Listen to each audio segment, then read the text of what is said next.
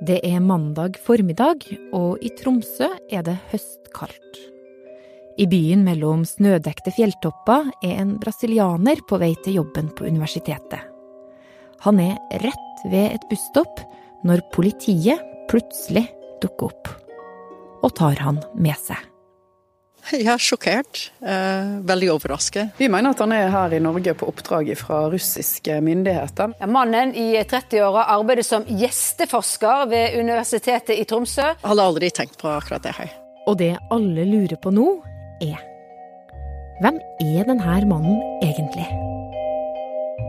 Det er torsdag 27. oktober, og jeg er Marit Eriksdatter Gjelland. Du hører på Forklart fra Aftenposten. Denne historia starter ett år tilbake i tid, høsten 2021. For da lander en brasilianer i Tromsø. Mannen som står i høstkulda i Tromsø i, i, fjor, er en relativt tettpakket brasiliansk statsborger på 36 år. Eh, han er ikke så veldig høy og har lite eller egentlig ikke noe særlig hår. Andreas Bakkefoss er journalist her i Aftenposten, og har jobba hardt for å finne ut litt mer om hvem denne mannen er. Han eh, har eh, allerede en mastergrad i strategiske studier fra Canada, eh, og har også skrevet en avhandling allerede fra Canada om klimaendringenes påvirkning på et militært anlegg ved kysten av Canada. Så det er en fyr som tilsynelatende er flink og hyggelig og kan mye. Han tok kontakt med meg i fjor for å høre om han kunne være sånn gjesteforsker hos oss. Han sier at han er i Norge for å lære mer, og han skal ha bedt lederen for eh, forskningsgruppa Grayzone, Gunhild Haagensen Gjørv, om å få lov til å komme og bidra ved Universitetet i Tromsø. Eh, og begynner å jobbe ved Senter for eh, fredsforskning på universitetet. Han leier seg en hybel i en koselig, hvit enebolig en liten gåtur fra Tromsø sentrum.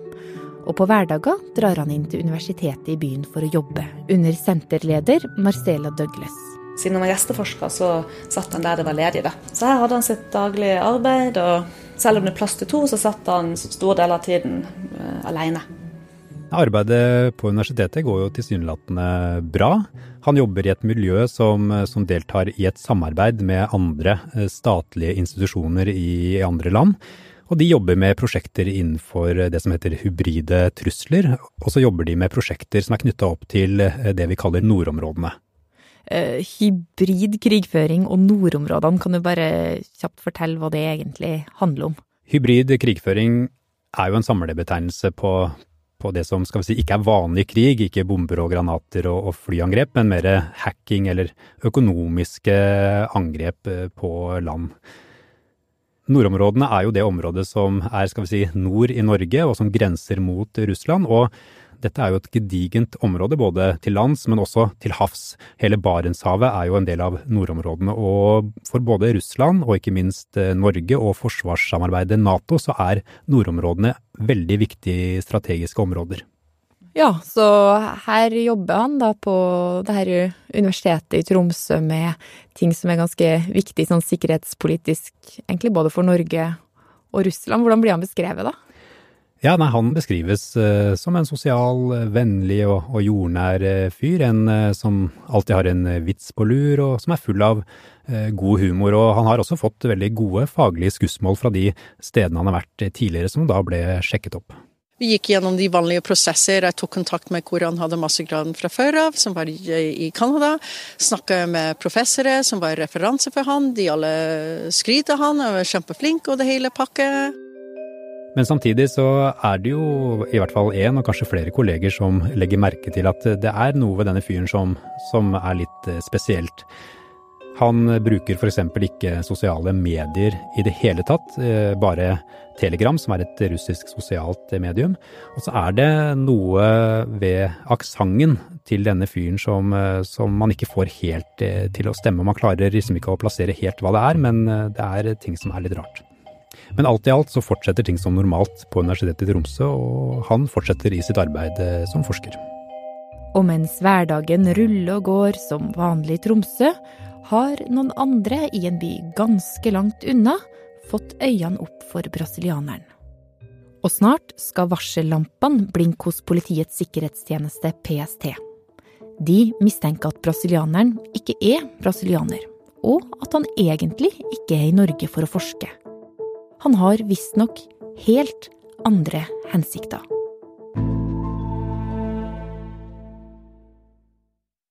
Andreas, hva er det som gjør at uh, norske myndigheter og PST begynner å kikke på denne mannen? Ja, Det vet vi jo ikke alt om ennå, og det blir veldig spennende å, å finne mer ut av. Men det vi vet, er at PST gir et varsel til Justisdepartementet og ber om at denne mannen må utvises. Og det gjør de fordi de har funnet ut at han representerer en trussel mot det som kalles grunnleggende nasjonale interesser. De mener rett og slett at denne mannen er en spion på oppdrag fra Russland, og at han har en falsk identitet og rett og slett ikke er en brasilianer som driver med forskning. Vi vet jo ennå ikke helt hvor PST fikk dette tipset fra, eller hva det var som førte de til ham, eller hvor lenge de har fulgt med på han. Men vi vet i alle fall at dette varselet kom fem dager før han blir pågrepet. Og nå på mandag ble altså mannen stoppa på vei til jobb. Gjesteforsker ved Universitetet i Tromsø pågrepet på vei til jobb. PST mistenker han for å være russisk spion. Selv benekter han alt, men PST mener at mannen ikke er brasiliansk forsker, men en russisk spion. Og de tar han med seg til Østlandet. Igjen i Tromsø sitt gamle kollega i sjokk. Jeg er sjokkert. Eh, veldig overrasket. Så skjønte jeg alvoret. Når man har ransakelsesorder i Norge, da mistenker man noe. Andreas, kollegaen hans, sier altså at de ikke hadde noen mistanker. Hva var det da som fikk PST til å aksjonere? Det er et veldig spennende spørsmål som vi absolutt må prøve å finne ut mer om i dagene som kommer. Men vi vet jo i slike tilfeller hvor da PST klarer å blåse en spion fra et annet land, så oppstår det et stort dilemma for myndighetene. På ene siden så må de jo følge vedkommende lenge nok til å samle beviser som gjør at de er sikre på at han faktisk er en spion og har en falsk identitet, men så må de også gripe inn før han faktisk klarer å sende noe informasjon til f.eks. Russland som myndighetene i Norge mener er sensitive. Og det PST sier at skjedde på mandag, var at de måtte gripe inn, rett og slett for å forhindre at han sendte informasjon til russerne som norske myndigheter mener Russland ikke må få. Og derfor så gikk de til aksjon. Så de må jo ha ment at han var i ferd med å faktisk sende informasjon til Russland som Norge mente at ville skade norske interesser. Ja, veit vi egentlig hva det kan ha vært? Altså, ja, hva han har holdt på med her og, og funnet ut? Vi vet jo at han jobbet med det som heter hybrid krigføring, og at nordområdene var veldig viktig for de prosjektene han, han, drev på med, men vi vet fortsatt ikke hva helt konkret det var han hadde informasjon som, som da PST mente at de måtte stoppe. Men de mener at uh, han er en spion som har brukt falsk identitet i Norge, og at han lyver om hvem han er, og at, og at livet han lever i Norge som forsker, rett og slett er, er fake, da. Og han er jo siktet nå for ulovlig etterretning som kan skade både norske interesser, men også andre lands interesser, så her er det flere land som er trukket inn. Og mest interessant hittil er jo at de mener at denne fyren er en såkalt illegalist. Og er du det i spionverden, da er du en big shot. Vi mener at han er her i Norge på oppdrag fra russiske myndigheter med uriktige brasilianske identitetspapirer, og at han er det som vi kaller en illegalist. Andreas, hva er en illegalist? Ja, Det er jo et litt rart navn, men illegalister er veldig viktig i spionverden. Etterretningstjenestene de bruker mye ressurser på å bygge opp nettopp illegalistene. Det er rett og slett skal vi si, lederspioner som kommer til et land med falsk identitet, med en falsk livshistorie, som er bygd opp på forhånd og som de holder godt. De bygger rett og slett hele livet sitt i dette nye landet på et falskt grunnlag. Og målet til disse spionene, eller disse illegalistene, er ikke nødvendigvis å spionere på et konkret bygg eller delta i et konkret prosjekt. Men deres jobb er å bygge nettverk, skape gode informasjonskanaler, være talentspeidere for andre spioner eller andre mennesker som kan rekrutteres inn for å få informasjonsflyten til å gå enda bedre. Og de har også ofte et mye lengre perspektiv enn en skal vi si, vanlig spion. Man kan tenke seg at man går inn og spionerer på et helt konkret forsvarsprosjekt, f.eks. For om Norge skal bygge en ubåt, mens disse folkene er her over lengre tid for å rett og slett skape godt grunnlag for andre spioner som skal hente ut informasjon fra Norge. Hm, så ganske viktig, da. De er kjempeviktige brikker eh, i disse nettverkene som bygges opp. Derfor er det også en veldig stor seier for eh, PST, og, og en eh, skal vi si, viktig avsløring for dem. Det er jo nettopp derfor det også er lagd mange TV-serier og, og, filmer om disse lederspionene eller illegalistene, for de er kjempeviktige for alt som skal skje. En av de seriene er The Americans. At this level, there aren't that many people you can trust. How do I know you're not making all this up? Som handler om to russiske illegalister som lever et tilsynelatende normalt amerikansk kjernefamilieliv under den kalde krigen. De bor i et helt gjennomsnittlig amerikansk nabolag og baker brownies til nyinnflytta naboer. Are those brownies? Homemade. So this is a pretty good neighborhood we moved into, huh? Wouldn't live anywhere else. Men livet de lever, er bare en cover-up. Egentlig er det her gifteparet russiske spioner som bruker kveldene på å snoke i statshemmeligheter og verve agenter og drepe folk. The things I'm telling you, you don't joke around about. It could be dangerous. Andreas, er det egentlig sånn som vi ser på film, da, at uh, illegalister opererer?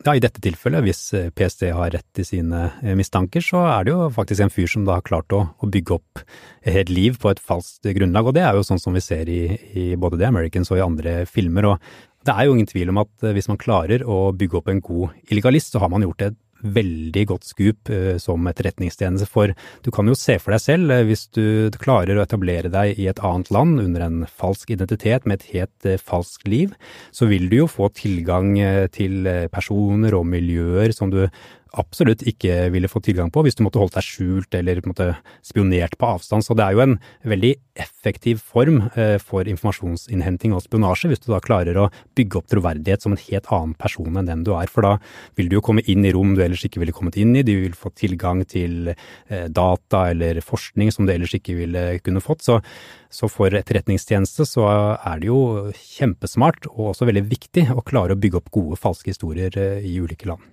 Er det bare Russland som har det her, eller er det vanlig for andre land også? Nei, altså Man trenger ikke å ha sett på mange eh, serier for å skjønne at dette også er noe som uh, andre etterretningstjenester gjør i, i, andre land, også europeiske land. Så jeg tenker at dette er noe som helt sikkert gjøres av, av, veldig mange. Og det er jo fordi det er en veldig effektiv måte å hente informasjon på, hvis man klarer å bygge opp en god uh, fake historie. Ok, også det er altså da en illegalist som det her, da PST mener den her pågrepne mannen nå er. Hva er det de frykter, da? Ja, de har jo åpenbart eh, ment at denne mannen har eh, hatt tilgang til informasjon eh, som på ingen måte må komme i russiske hender. Og, og hva det er helt konkret, det vet vi jo ikke ennå. Men han jobbet jo med nordområdene, som jo er veldig, veldig viktige. Ikke bare for Norge, men også for hele det militære samarbeidet som, som Norge er med i. Så det er ingen tvil om at PST mener at denne mannen har tilgang til helt konkret informasjon som, som de mener ikke må komme til russerne, og derfor har de også grepet inn. Men han har jo holdt på med forskning, altså sånn som er åpent for alle, da, eh, har jo universitetet sagt. Ja, men du kan jo se for deg En ting er jo hva du skriver i forskningen, men en annen ting er jo hva du får tilgang til i research, hva du får tilgang til eh, ved å snakke med kolleger, og ikke minst hva du får tilgang til ved å eh, ha tilgang til datasystemer eh, ved universiteter og, og, andre steder. Så det kan jo være at det ikke er noe med den konkrete forskningen hans som han har vært opptatt av, men kanskje hva han har hatt tilgang til eh, som en del av denne forskergruppen, at det kanskje har vært viktigere betydning. Ifølge den pågrepne mannens forsvarer så stiller han seg helt uforstående til PST-anklagene. Han mener at det ikke holder disse anklagene. Han eh, bestrider at han er en såkalt russisk eh, spion. Den russiske ambassaden sier de ikke vet hvem mannen er og hva det dreier seg om, og kaller det hele spionmani som er politisk bestilt. Så hva skjer egentlig med mannen nå? Nå er han fraktet fra Tromsø, hvor han ble pågrepet, til eh, politiets utlendingsinternat på Trandum, som ligger rett ved Oslo lufthavn på Gardermoen. Og det er jo bestemt at han kan holdes eh, internert, som det heter, i, i fire uker. Eh, og internering er jo det man eh, kaller varetektsfengsling av skal vi si, utenlandske borgere som politiet vil ha utvist. Så på et eller annet tidspunkt så, så, blir han rett og slett utvist, men det blir jo spennende å se hvor politiet sender han da. Skal de sende han til Brasil, eller skal de sende han til, til Russland? Og så har jo PST også startet etterforskning, så det kan jo være at de vil holde han her til de har fått gjort flere avhør av ham, f.eks. Hm. Kommer det noen andre typer reaksjoner da, mot uh, Russland som de mistenker da står bak?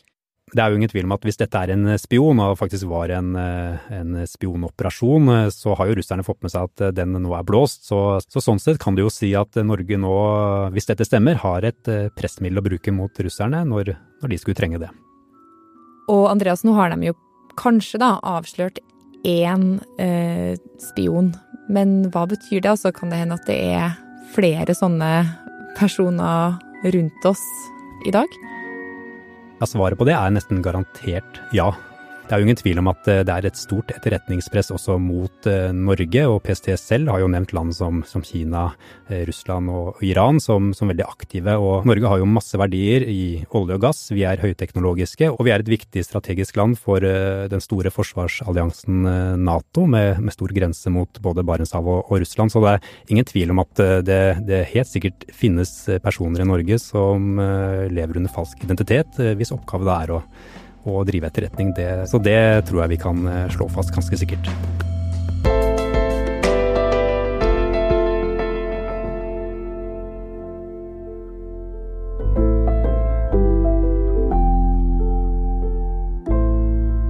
Du har hørt en podkast fra Aftenposten.